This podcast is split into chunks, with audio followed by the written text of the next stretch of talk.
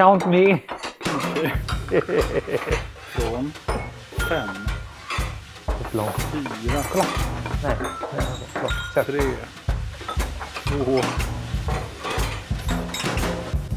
Hej allihopa och välkomna till ännu en... Det blir jättekonstigt att titta Ja. på mig när du säger hej allihopa. Jag är ju här. Där lär du ju kolla in i kameran. Jag tyckte. Hej allesammans och välkomna till ännu ett avsnitt av en ångestfylld måltid. Heter. Ja, en, en ångestfylld måltid. Det här är säsong två avsnitt nummer ett. Och idag är vi hemma hos dig Kristoffer. Yes, i Ludvika. I Ludvika. Mm. och det är lite speciellt för vi sitter och tittar varandra in i ögonen för en gångs skull. Vilket är lite... Det är lite, lite Annorlunda. Lite annorlunda. Vi brukar ju köra den här podden över, över luren eftersom vi bor ju på eh, lite avstånd. Ja, så är det. Men nu är du här. Nu är jag här och nu är vi redo att mysa ner oss i massa gotte. Ja, så är det. Och vi har ätit. Ja, det var intressant. Du var nöjd, du tyckte det var gott. Du, du bjöd på en väldigt eh, delikat middag Mm. av fet karaktär, vilket eh, inte riktigt är så jag brukar äta, så det är nyttigt för mig. Mm. Men det var jävligt gott. Mm, det var det. Eh, Innan vi tappar lyssnare ska vi bara ge oss lite kontext här vad vi tänker att det här avsnittet ska vara men kanske också lite framåt i, i tidsrymden. Ja. Du la det på mig, okej. Okej. Ja. Nej, det här avsnittet som ni märker så kommer det kanske vara lite flum men det är nog så vi tycker om det och ni också förhoppningsvis. Men eh, vi kommer prata dels om vad vi lovade förra gången och det var att vi skulle, jag skulle ta mig till ehm, ett ställe där jag skulle få hjälp som jag ska berätta lite om. Och Alex hade sin lilla, eller sitt löfte om att också söka hjälp, vilket han kommer berätta om hur han har gjort. Ehm, och sen därefter kommer vi prata om våra två olika ätstörningar som skiljer sig åt på många sätt, men ändå är ganska lika ibland. Ja, för jag har identifierat lite att jag är kanske lite mer åt eh, binge. Inte ha kontroll över hur mycket jag äter på ett sätt och du är lite mer eh, kanske anorektisk över, nej men fel ord, men du är mer kanske kopplad till ångesttänket kring Yes, vad du äter. Så är det skiljevägen jag ser emellan. Mm, Eh, Men det kommer vi till senare om en liten stund. så är det. Ja, eh, och bara för att lite ännu ytterligare höja horisontblicken. Så det här är ju då avsnitt ett på säsong två. Och tanken är lite att vi längs med det här året ska droppa några avsnitt när det är eh, relevant för oss att delge information men också när vi känner att fan nu måste vi sätta ett datum där vi, vi går igenom där vi kanske sätter något mål. Så det blir lite som att ja men, vi, När vi känner för det, skicka ut det. Ja, men, Typ. ja, men inte bara det att vi känner för det, men att vi, vi gör det som att, ett sätt för att det är nyttigt för oss. Lite som att vi behöver Ja. gå till doktorn så behöver vi sätta oss ner och prata Mm. om det här. För vi hade ju upplevelsen att vi körde det här under sommaren, sen blev det höst och då gjorde vi uppehåll. Och vi hade gjort framsteg båda två, men så åt, vi gick tillbaka lite, vi drog oss in. Vi blev sämre, Ja, kan man säga så. så det. Så kan man säga. Mm. Det känns lite konstigt att titta in i ögonen och prata om det här. Mm. Men nu kör vi! Nu kör vi. Nu kör vi. Ehm, ska jag börja? Skulle jag börja? Mm. Ja, okej. Eh, berätta om eh, vad som hände innan jul och vad du lovade att göra. Eller precis hade gjort. Ja, exakt. För jag hade ju eh, tagit kontakt med en klinik och jag var där på Mm. ett möte där jag fick svara på lite frågor. Va- Varför gick du till den här kliniken? Varför nu? Och, ja. ja, för att jag är sjuk i huvudet och behöver hjälp. det är väl därför. Har det urartat till den grad att... Vad är, vad är ditt problem? Nej, Bara- men vadå, problemet är, ju, problemet är ju att jag inte är fri från tanken på vad jag äter och att jag måste eh, träna för att eh, må bra och se bra ut och allt det här. Och jag vill bli fri från den tanken. Jag vill kunna leva mitt liv utan att vara styrd av rösten i mitt huvud. Och det är, ju- det är ju stora grunden till att jag går till den här kliniken för att de kanske kan hjälpa mig att ta mig ur det här. Eh, Det här lite kanske vi skulle prata om senare, men till vilken grad artade sig? Alltså en genomsnittsdag, hur mycket ångest genererar eller hur mycket kontrollerar ditt liv om man tar det till den nivån? Alltså, ja, det är ju väldigt varierande skulle jag säga. Vissa dagar är ju bättre och vissa dagar är sämre. Det beror lite på vad man gör. Tror jag, så är det nog för alla, att alla dagar är inte den andra lik. Mm. Men inte vet jag, det, det är ju inpräglat i mig. Så jag lever ju ut efter reglerna jag satt upp mig, åt mig själv att det här får jag äta. Eh, äter jag mer än det, då har jag ju syndat, gjort mig själv en o, otjänst. Mm.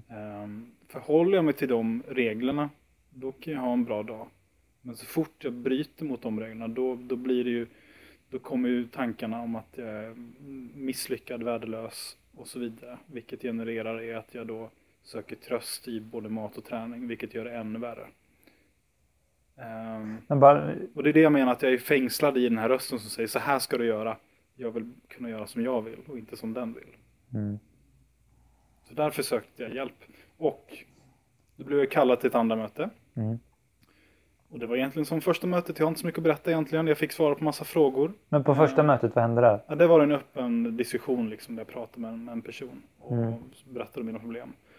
När jag kom andra gången då var det lite mer uppstyrt där jag fick svara på eh, frågor, alltså igen om mina problem och vad jag uppfattar att jag vill ha hjälp med. Och det är det som jag säger här, det sa jag till den personen också. Men sen fick jag svara på kanske 50-60 frågor på, på datan. Datan? Eh, för att utröna hur pass Har, har du fått skev ett, jag var. ett eh, jag är ätstöd-körkort? Jag har inte fått det än. Nej, de håller på att plasta in det. Ja, laminera. Så att det kommer nog på posten. Men jag har ju fått tid i alla fall. Ja, Jag ska ju börja gå där nu. Så här är det. Jag ska gå en gång i veckan. Jag har inte sagt, jag har inte, vet inte när jag ska börja, men, jag Men- kommer att gå en gång i veckan. det här blev som ett resultat av Yes. testet du gjorde på datan. Precis. Mm, datan. Ja. Eh, Så i sex till åtta veckor kommer jag gå en gång i veckan. Där jag kommer att vara på den här platsen sex timmar den dagen. Eh, mellan nio och tre tror jag. Och det kommer innebära att jag kommer vara där och vi kommer att äta måltider tillsammans med andra, jag vet inte. Men alla för att jag är där och äter måltider. Ehm, och så kommer det vara lite prat om, eh, nu ska jag säga det här ordet, existentiella frågor. Jag satte. Nice. Det där var nice. Det kändes som jag hade tepåse. tampongsnöre. Ja, fan. Varför får jag den bilden? Ja, Det vet jag inte, det är sjukt. Förlåt. Minnen. Mm. Min? jag vet inte vad du är för min. för du kopplade det jäkligt på... Ja, Men jag såg ett jävla snöre komma ur din mun. Det är klart jag... Det är du som drog in tampongen i det hela. Det var inte jag. Ja. Håll dig till ämnet. Ja. Nej men och existentiella frågor, så var det. Eh, och det tycker jag är jätteintressant för det, jag älskar ju sånt. Alltså prata om vad är livet, var, varför är jag här och hur, hur ska vi leva och så vidare. Okej, okej. Det är så jag tolkar det. För ja, grejen är att det här med ätstördhet, jag tror att för många och framförallt mig så kan det vara kopplat ihop med kanske lite mer djupa frågor i livet. Jag säger inte att bara för att man får reda på vad livet handlar om, vilket jag inte kommer få reda på, så blir det ena löst. Nej. Men att det ändå finns något intressant i att kunna utveckla. Och, Det är jätteintressant att du tar upp det här för det ska jag spinna vidare på. mm. Eh, Men innan vi lämnar det helt. När, hur, hur känner du för det här? Känns det liksom... alltså, För mig låter jag får panik bara jag tänker på det. Spendera sex timmar ätandes med andra människor Mm. i den formen. Inte för att jag skulle tycka det var... Eller jag vet inte, jag bara känner att usch, det där skulle jag aldrig i mitt liv göra. Nej. Du, du, säger, det säger jag inte för att göra det jobbigare för dig Nej, på nej, något jag sätt. Det är bara utifrån min preferens. För jag kommer berätta vad som är jobbigt för mig. Mm. Varför jag inte äter lunch på jobbet till exempel. Mm. Det är lite samma sak. Jo, men, ja, men jo, det, det kommer nog vara tufft. Men jag känner ju också att det är en jäkla chans att göra en förändring i sitt liv. För att göra den här förändringen själv har jag ju märkt är jättesvår. Men där har man hjälp av andra och sex dagar av sju är jag ju inte med någon som kan hjälpa mig. Men då har jag ändå någon att bolla med. Precis som jag bollar med dig liksom. Bara det är ju nyttigt. Nu får jag ytterligare en grej som jag kan bolla med och lära mig att faktiskt leva normalt under sex timmar. Och bara prova på det och se hur det är och lära mig det. Men, men det, är väl, det här är så onormalt det kan bli på ett sätt. Jo, eller nej, egentligen inte. Va, va, vad förväntar du dig att det ska... Nej, men framförallt maten Ge. jag kommer äta, det kommer inte vara den maten jag är van vid att äta. Nej. Enligt mina regler då, som jag sa. Det kommer ju vara annan typ av mat som är förbjuden egentligen. Och Vad tänker du då? Ska ni käka glass och pommes liksom? Det- är det så här är- onyttighetscamp? Ingen aning, ingen aning. Men Mm. jag tänker mig inte att jag är en vanlig husmanskost liksom. Vilket jag inte äter. Det, är det, måste jag lära mig att äta utan att känna att jag har... Men inte det lite för att din mage är känslig och grejer också? Nej, ja, nej inte direkt. Mm. Mina... Det skulle jag inte säga. Okej, ja men eh, alltså, det låter spännande. Ja. Eh, när var första mötet sa Ja, du? det vet jag inte. De skulle höra av sig. Ja, okej. Eh, jag vill absolut höra en uppföljning på det här. Personligen utifrån mitt perspektiv då. Eh, så låter det helt, helt fruktansvärt. Jag vet inte vilken ände jag ska börja nu. Alltså, jag sa ju att jag skulle också gå till en läkare och söka hjälp för att det blivit värre. Just i... Jag har insett hur, mycket, hur livet är styrt av mina matvanor. En del av den här det här uppvaknandet kom som ett experiment förra året, eller i november, jag tror jag berättade om det. När jag inte fick, jag fick bara äta mat på jobbet. Mm. Jag fick liksom inte, jag fick inte äta någonting hemma. Det var som en veckoutmaning för mig för att se hur, jag kommer inte ihåg hur jag kom på det, men jag testade det. Och då, då förändrades ju allt i mitt liv från att, från att alltid vilja gå hem så tidigt som möjligt från jobbet och liksom, ja nu är jag klar med jobbet. Jag, vill, jag ville slippa det så fort som möjligt. Då, den veckan var det att jag tror jag jobbade 50 eller 60 timmar. Liksom. Jag spenderade all min tid där och alla mina beslut och allting kring hur jag levde, det blev liksom helt omformat. Då var kärnan, eller kärnan var ju fortfarande kring mat, men då såg jag resultatet av hur, hur styrt mitt liv är kring mat. Alla mina, grund och botten, ah, hur min dagsplanering ser ut, den sker utifrån mina matvanor. Och det är lite som det här med att nu, just nu är en period där jag inte kan äta mat på jobbet. Jag äter inte lunch på jobbet. Jag, jag tränar på morgonen så tar jag med en, en drink som jag dricker till frukost. Liksom. Sen går jag hem och käkar vid typ fyra, fem eller något sånt. Käkar lite frukt också. Men just för att jag har en måltid för mig, det är, det är liksom det heligaste. Det är något alltså svårt att njuta av det om jag inte får njuta av maten i, i lugn och ro. Om jag ska prata med arbetskollegor och liksom det blir skitsvårt för mig. Jag ser det som ett, ett wasteat tillfälle att äta under en lång tid. Mm. Då vill istället, då, sparar jag upp liksom mer mat i kvällen när jag kan äta i, min egna värld. Eh, så nu då har jag slutat äta mat på jobbet för att kunna njuta av det ordentligt när jag kommer hem. Eh, Det här har jag också reflekterat kring att när jag är hemma på Öland hos min familj, när vi har middagar och sånt, då äter jag maten, men jag äter väldigt lite. Sen när vi har ätit upp, då väntar jag en halvtimme så sätter jag och äter igen liksom. Mhm. Och då äter jag typ under en timme liksom på mitt sätt. Så att alla de här måltiderna med andra människor, de är bara en... Jag, tänk, jag vet hela tiden att jag tänker att jag, jag är nästan väntar på att det ska ta slut så att jag kan få gå och äta i fred sen. Liksom. Mm. Eh, dock när vi åt nu precis innan, då kände jag inte alls så för att då fanns ju inte det som alternativ. Då kan inte jag gå hem och göra det. Och du, när, när alternativet är borta, då njuter jag jättemycket av det. Mm. På samma sätt som när jag är ute på restaurang och äter med andra människor, eller den kontexten, då tycker jag det är helt underbart. Mm. Men så länge det finns ett alternativ av att jag kan få dra mig undan och få, äta på mitt sätt och hur mycket Mm. jag vill, då är det det enda jag tänker på. Mm. Det är lite också därför när, när jag går ut med... Jag hade spelkväll någon kväll hos några vänner. Så fort jag går ut så tänker jag på att snart vill jag hem och gå hem och äta igen. Mm. Liksom. Det är de tankarna som finns med och driver alla mina beslut. Det påverkar mina sociala val och hur jag lever mitt liv. Och det är lite den insikten, till, till, att det sker på ett sånt undermedvetet plan. För jag har inte tänkt så mycket på det innan. Men nu vet jag att det, det är liksom så styrt Vare sig jag är medveten om vanor eller inte. Du är ju präglad av det. Ja, precis. Exakt. Men eh, ja. Så jag vet inte var jag började eller var jag var. Nej, men, eh, får jag flika in då? Ja, Ja. ja. reflektion.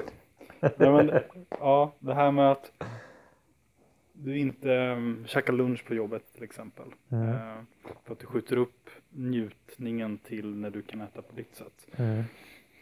Det är ju det är ju faktiskt någonting du måste arbeta mot. Mm. För att där gör du ju där gör du ju allt för ätstörningen. Du gör ju som den vill. Eh, och Jag vill försvara det där med en gång. Liksom. ja, men Det det får du inte. det är så här, ja, men äta med. en gång om dagen, det tycker vissa är jättebra. Det tycker vissa är jättebra, men de kanske inte är ätstörda. Det är det Nej, som är ja, ja. skillnaden. Det är det Jag som är vet. skillnaden. De klarar det. Jag bara uh, Ja. lyfter min egna hjärna hur det. det med en gång motarbetar det. Men och för grejen är att det här med att man glorifierar maten. Jag känner igen med det du säger. Liksom, att man, alternativet att äta hemma, det kan vara mycket trevligare. Där får jag äta vad jag vill och jag får kolla på en film samtidigt. Ja, ja men allt det där. Men man ska inte sätta upp maten på den här pedestalen här uppe. Mat ska vara någonting du absolut ska njuta av. Men det ska vara någonting du gör utan att tänka på. Du ska inte kunna tänka, tänka de där tankarna att du skjuter upp njutningen till när du får äta. Mm. Du ska kunna njuta av att äta bara. Det är det som är målet. Så när du, skjut, när du hoppar över lunchen, det är ju det är egentligen det dummaste du kan göra. Om du ska bli frisk menar jag. Ja, Så är det ju. Så att nu, du, du vill ju bli frisk, men, så, men och så där gör jag också. Jag vill också bli frisk, men jag sätter ju också upp hinder för mig själv. Som gör att jag inte blir det, för att det är bekvämare. Eh, I det sättet rösten vill leva liksom. mm. Hade det varit lätt, då hade man ju blivit frisk direkt. Men det är ju inte lätt. nej. Men bara för att, ja, för att bygga vidare lite på det här då, eller bygga vidare. Hur våra eh, ätstörningar skiljer sig lite då. Mm. Eller, det, det, jag skulle ju gå till en läkare, men jag hittade ju en bok istället. Eh, Brain over binge. Som fick mig att eh, jag skulle gå eh, självterapivägen istället för att gå till Mm. doc. Eh, och den här boken handlar om en, en eh, tjej som heter Catherine Hansen. Som hon Why I was bulimic, why conventional therapy didn't work and how I recovered for good. Hon var då buli, bulimi, bulimic, bul, buli, Bulim, bulimiker, bulimiker. bulimiker, vad fan är bulimiker? I don't know. Bulimisk. Bu- bul, hon hets åt, Ja. alltså hon kunde liksom ha ät-sessions på så här 7000 till 8000 kalorier Mm. om dagen. Och sen tränar hon 6-7 timmar dagen efter för att kompensera. Mm. Så hon, alltså, det var nytt för mig att vara bulimiker. Det behöver inte betyda att man hetsäter och sen spyr. Utan det kan vara, det är mer att det här binge, Mm. okontrollerande ätandet. Och det fick ju mig att inse liksom att ja, men, det är ju det är de här okontrollerbara cravingsen. Åtrån att tänka på mat och vilja ha mat. Och att fastna i stunder när man äter på ett sätt som man inte, man är bortom kontrollen liksom. Man vill sluta men man bara fortsätter att äta liksom. Mm. Och det var lite olika definitioner på det här men det var det som fick mig att inse att ja, men det är ju det här som jag är liksom. Att jag får ju sådana ät-sessions. Eller det är ju det här jag, jag har ju lärt mig att forma mitt liv som gör det hållbart att vara i långa ätstunder. Jag har ju sagt att jag, jag sparar upp min mat så jag ska kunna äta länge. Mm. Så att jag har liksom lyckats forma ett sätt som gör att jag kan äta sjukt länge och mycket utan att bli skitfet. Liksom. Att Det, det är ändå så här, det, det är ett okej intag jag gör för att jag äter nyttig mat. Mm. Men det är fortfarande ett stört beteende för att jag lägger det också sent på kvällen för att jag vet att jag kan inte sluta så lätt. Så då gör jag att ja, men jag måste gå och lägga mig, då blir det ett naturligt slut på det. Så att jag har liksom designat mitt liv på ett sätt som gör att jag kan vara bulimiker på ett okej sätt. Mm. Förstår du vad jag menar? Mm. Men, men just när jag läste den här boken då fick jag fick liksom det blev så tydligt hur hon beskrev sitt liv liksom hur just det här att hennes sociala liv hur styrt det var att hon ville bara hem och äta hon tänkte bara på det var det, det som ja, styrde hennes liv så Mm. precis det jag Ja, ja. berättade och då blev det ett sånt verklighetsuppvaknande och du började tänka på det på ett helt annat sätt och liksom det här behöver verkligen adresseras. Mm. Men för att gå in på, jag vet inte om jag tappade tråden men det jag på att säga innan, jag vet inte ens vad vi pratade om men det, Skillnaden. det du sa, ja, skill- men jag kommer till skillnaden, men vi det här då. Eh, det du sa om hur konventionell, eh, kon- konventionellt sätt att bemöta ätstörningar, det är just det här att besvara de här djupare frågorna. Man går i terapi och man, eh, man liksom, det existentiella, existentiella att det kanske finns djupt underliggande faktorer som, som är bottnar i varför man har en dålig självbild och så vidare. Eh, det tror jag är jätteviktigt för många och just med kanske anorektiker och sådana saker. Men det den här boken kommer fram till just i perspektivet att varför man har hetsäter eller varför man har så här cravings hela tiden och inte kan sluta äta. Hon har liksom spenderat sex år i, terapi och försökt hitta de här djupare svaren. Men kom fram till att efter hon läste en bok som bara handlade om den primala hjärnan att du har tre olika delar i hjärnan och du har en primal del som bara har säger man, överlevnadsdriv eller den har format vanor som är baserat på att du mår bra om du slutar äta. Eller som hon kom fram till att hennes enda driv till att när hon hade ett, ett craving för att äta mat. Det enda som kunde få henne att sluta få det här cravinget var att sluta, äh, var att börja äta massa. Så hon har fastnat i en loop där hon hade ångest över att hon inte borde hetsäta. Men det enda som gjorde att hon slutade hetsäta var att hetsäta. Vilket gjorde att hon hetsåt hela tiden.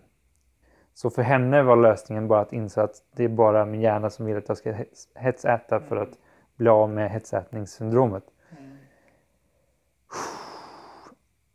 Jo. Ja, ehm, så, så det som skiljer sig mellan våra ätstörningar kanske på ett sätt, eller det som ger, ger mig en annan nyans också är att jag har det där eh, hetsätsyndromet som hela tiden driver mig.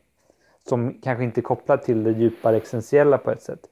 Så att jag tror att jag kan lösa mycket av mina problem genom att bara distansera mig från mina primala tankar som säger att jag måste äta, jag måste äta, jag måste äta. Utan att behöva bli existentiellt mer upplyst. Mm. Förstår du vad jag menar?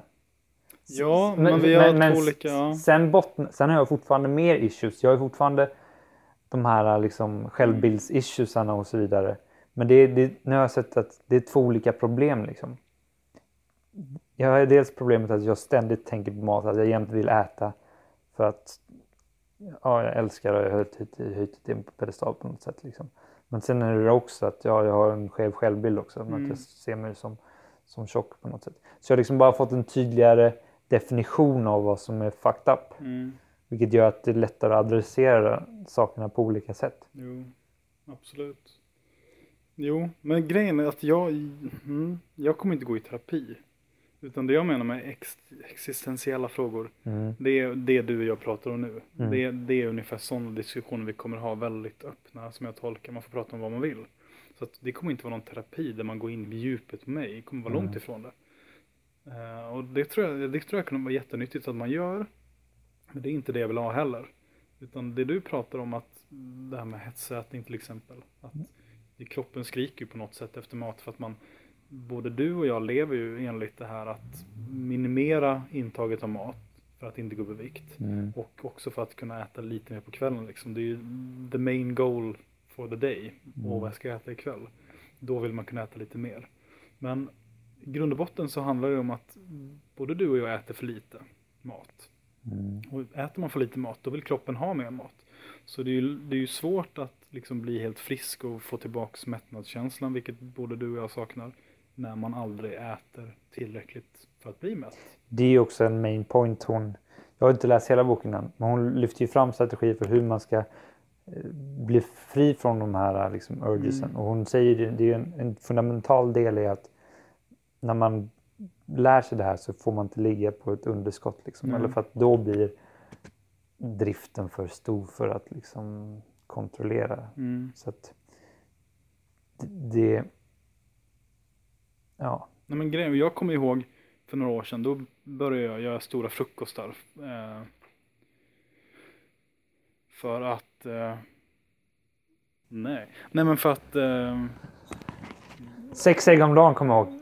ja, Eller till frukost. 12 ägg om dagen åt ett tag. Jävlar. Det började på 6, sen steg gradvis upp till 12. Sen slutade med det, konstigt nog. Nej men grejen, och där... Jag kommer ihåg att jag på något sätt var friare från mina tankar då. Det är fyra, fem år sedan. Under en höst. Och jag minns att jag blev mätt någon gång där. Mm. Jag åt, jag åt um, köttfärssås med dijon som vi käkar idag. Mm. Och spaghetti som jag käkade hemma själv en kväll. Och jag kommer ihåg att nej, jag får inte ner en bit till. Och så sköt jag undan tallriken och så var det mat kvar. Och den mättnadskänslan, alltså när, den, när jag fick den igen, jag bara kom ihåg, gud vad underbart det är att bli mätt. Den känslan av nöjdmätt verkligen. Att nej, men jag vill inte ha mer, jag kan inte äta mer. Inte så här, "Åh, jag dör. Ehm, Mm. Så jag hittade ju tillbaka till den där. Men sen, sen tog ju rösten åter över. Varför vet jag inte, jag kommer inte ihåg. Men och ledde mig tillbaka till den här vägen då. Som gör att jag sitter här idag och vill bli bättre. Mm. Men, och där var det att jag ökade mitt kaloriintag. Och jag mådde bättre under den perioden. Och jag åt ju nyttig mat fortfarande. Jag åt inget godis. Jag åt mm, proteinrikt och det jag ville äta. Liksom. Det jag ska äta. Men det var mer än vad jag åt nu. Mm. Betydligt mer kontinuerlig eh, matintag också. Mm. Och det hjälpte verkligen. Men, ja, men då har jag en intressant input här nu. Över jul, senaste en och en halv månaden så har jag gått upp ungefär två kilo. Eh, Jag har ju ätit, jag har legat på överskott. Framförallt framför, för att jag var hemma hos familjen och åt mycket mer. Och jag känt mig mycket starkare och friskare. Men min, mina mattankar har snarare ökat. Mm. För jag äter ju mer. Vilket gör att jag har tillåtit mer stunder av att äta ännu mer. Det har liksom spett på det ännu mer på ett sätt. Så, och jag blir fortfarande inte mätt på det här sättet. Jag äter ju stora måltider på kvällarna och jag äter, ju- jag äter ju, ligger på ett överskott nu. Mm. Men det har fortfarande inte liksom lett till det du beskriver. Nej, men Men- tror, ja, skillnaden där, det tror jag, jag vet inte. Men dels att jag åt andra saker. Jag åt mer normala saker, som jag sa, pasta till exempel. Alltså spagetti och köttfärssås. Ehm, jag kommer ihåg att jag åt en tårtbit någon gång jag blev bjuden på någon födelsedagskalas liksom. Och det var, jag kände mig helt lugn med det. Det är klart att jag ska äta en tårtbit, det gör ju normala människor liksom. Ehm, Men jag vet att din mat, förutom att du fortfarande skjuter upp måltiderna mot kvällen liksom. Mm. Att du inte har det här kontinuerliga matintaget under dagarna. Vilket man ska ha. Ja. Men vänta. Mm. Ehm, jo, jag vet att du vill flika in här, men det får du inte. Men sen, och sen, absolut, man ska, man ska kunna äta det man vill och må bra av. Men du äter ju väldigt kalori... ehm, alltså för mig, det du äter är inte mättande. Jag menar vitkål mättar inte ett skit för mig. Sallad mättar inte ett skit. Men- Broccoli mättar inte ett skit. Och sen äter du, du har ju tusen olika kryddor på det du Jo, men, men, när, jag, nu pratar jag om mina kvällsmåltider. Jag äter ju mycket sånt till maten. Men så äter jag ju kanske nästan tusen kalorier nötter. Ja men det blir ju inte mätt. Vi jobbar Va, fan- hur kan det inte bli f- Det är ju nötter. Det Ja, blir men inte det, är mätt det, på. är ju för fan, det är ju 600 kalorier per 100 gram. Jo, skiter med det är kalorier, men- näringsrikt. Som, Ja men det mättar ju inte. det gör du Det väl? gör det inte. Jag kan ju lätt äta tre påsar nötter och känna ja men nu vill jag äta middag. Ja, men på de här nötterna så har jag ju ätit rejäl mat. In, och inte spaghetti som du säger. Men jag har ju ätit. Alltså mina kvällsmåltider är ju ungefär 15-1600 kalorier. Jo. Det är ju klart att man borde bli mätt på det. Ja fast jag tror att det an, an, man, att, mm, Mm. Jag tror, jag, jag tror. högst subjektiv eh, Ja, åsikt erfarenhet också. Erfarenhet. Menar, Nej men vi har olika meningar och det är väl det så som du är säger kul. jag måste äta spagetti och tårta Nej, för att bli mätt?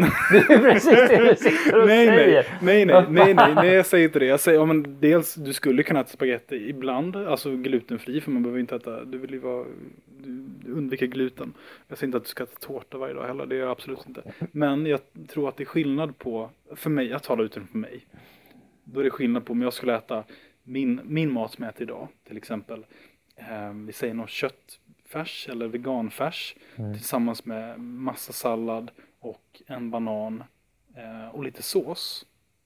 Och även om det kanske rent kalorimässigt är att jag gör, kanske ligger på plus någon dag. Så det mättar mig inte på samma sätt som jag skulle bryta det mönstret och äta en pastatallrik med bacon säger vi. Eller eh, potatis kanske, potatis, köttfärslimpa och lingonsylt till exempel. Som Ja, men jag äter ganska mycket potatis. Ja, jo, jo, men nu om jag talar från mig själv Ja. så märker jag skillnad i, även om fast Ja. kalorimängden kan vara samma så blir jag mer mätt i längden om jag skulle arbeta med det, vilket jag gjorde då. Så blir jag mer mätt på att variera min måltid och äta mer förbjudna saker. Mm. Det, så, så det gjorde jag verkligen och det gav ju resultat då. För mig. Ja, eh, Det är därför jag tror att det här med att jag går och äter nu sex timmar en dag. När jag kommer äta andra grejer, Mm. väldigt varierat. Det tror jag kommer vara jättenyttigt för mig. det tror jag också. Men jag tror bara, jag tror min, min kropp är lite fucked. Alltså hormonerna Mm. som styr mitt mättnadssystem är lite fucked. Så är det, och det är hos mig också. Ja. Mm. Eh, sjukt detaljerade där. Mm. Ja men det är intressant. Eh, va- ja, men vad, vad vill jag säga om boken då? Jo, men att ja, det, det, hennes main pointen är för att vara specifik då för just hur man adresserar eh, den här, det här alltså man tänker på mat hela tiden. Det är ju att ja, det, det är inte våra tre olika delar av hjärnan Mm. den primala hjärnan som kommer på de här sakerna. Alltså, även om du vill kolla på mobilen, alltså sådana här dopaminsökande Mm. kickar. Det är vår primala hjärna. Men den har liksom ingen som helst beslutsförmåga. Den är bara kopplad till att skapa känslor inom oss. Mm. Om du har ångest eller vad som helst. Det är bara känslor som inte egentligen styr dig på något sätt om du inte aktivt väljer att agera på dem. Så hela approachen är att liksom mindfulness praktiserad egentligen. Mm. Att bara se, se dig själv som frånskild från de här eh, åtrå... Cravings, vad ska jag säga för det? Det man vill ha. Ja, men, det, ja, men känslor, det som är känslostyrt. Att man ska se sig själv som helt frånskilt från det. Observera det, känna det, acceptera det. Vilket vi har ju pratat om det här innan egentligen fast i ett annat kontext. Mm. Att de är bara där men de har ingen som helst beslutsförmåga. De är bara säljare som försöker sälja dig på ett koncept. Mm. Sen väljer du aktivt med din, eh, jag kommer inte ihåg om det är neocortexen eller vad den heter. Den delen av hjärnan som fattar beslut. Du väljer om du ska agera på dem eller inte. Så, och det här, efter hon läste en bok som bara förklarar det här för henne på ett bra sätt. Liksom, ja, men det är så här det funkar. Efter sex års eh, binge eating, tre dagar i veckan, så hade hon två stycken sessions till. Så hon blev liksom helt frisk från, från hennes ätstördhet. Mm. Så något som har liksom präglat hennes liv. Alltså liksom äter 6 till 8 000 kalorier tre gånger i veckan och sen tränar 6 till 7 timmar om dagen tre gånger i veckan. Det gjorde hon under, under sex års tid nästan. Mhm. Och efter att läsa den här boken och tog in det här ganska enkla konceptet men då underbyggt med kanske lite mer sammanhang Mm. gjorde att hon bara hade två stycken ät binge eating sessions till och sen blev helt frisk. Mm. Och då har hon spenderat sex år i terapi för att försöka hitta lösningar också. Men poängen där också är att terapin försökte hela tiden lösa de underliggande problemen. Mm. Vad, vad, är, vad är meningen med livet och vad är det som får dig att hetsäta och så vidare. Medan för henne så var det enbart själva... Det, det fanns ingen djupare orsak till att hon ville äta mer än att hon ville äta. Mm. Så hon hetsade åt för att sluta känna den här ångesten. Eh, Så, och nu, nu ska jag prova att se om jag kan få, genom att bara ta in, alltså öva på att känna in vad det är som, som styr hela tiden. Alltså när jag sitter på jobbet och känner att jag vill äta mycket och länge. Då ska jag bara känna att utifrån vad vi pratar om här nu, att jag borde öva på att äta på jobbet. Mm. Att det är bara min hjärna som vill sitta och äta länge. Att det är bara liksom känslor som presenterar ett scenario för mig som jag vet är dåligt. Jag borde ta min, jag oftast har jag med lunchlåda varje dag. Mm. Okej. Men jag vi slutar alltid med att ta med den hem. Att jag ska då tänka att ja, men det är bara känslorna som, som vill att jag ska spara upp så jag kan äta länge sen på Mm. kvällen. Utan jag ska äta här och nu på jobbet. Det är en nyttig övning för mig.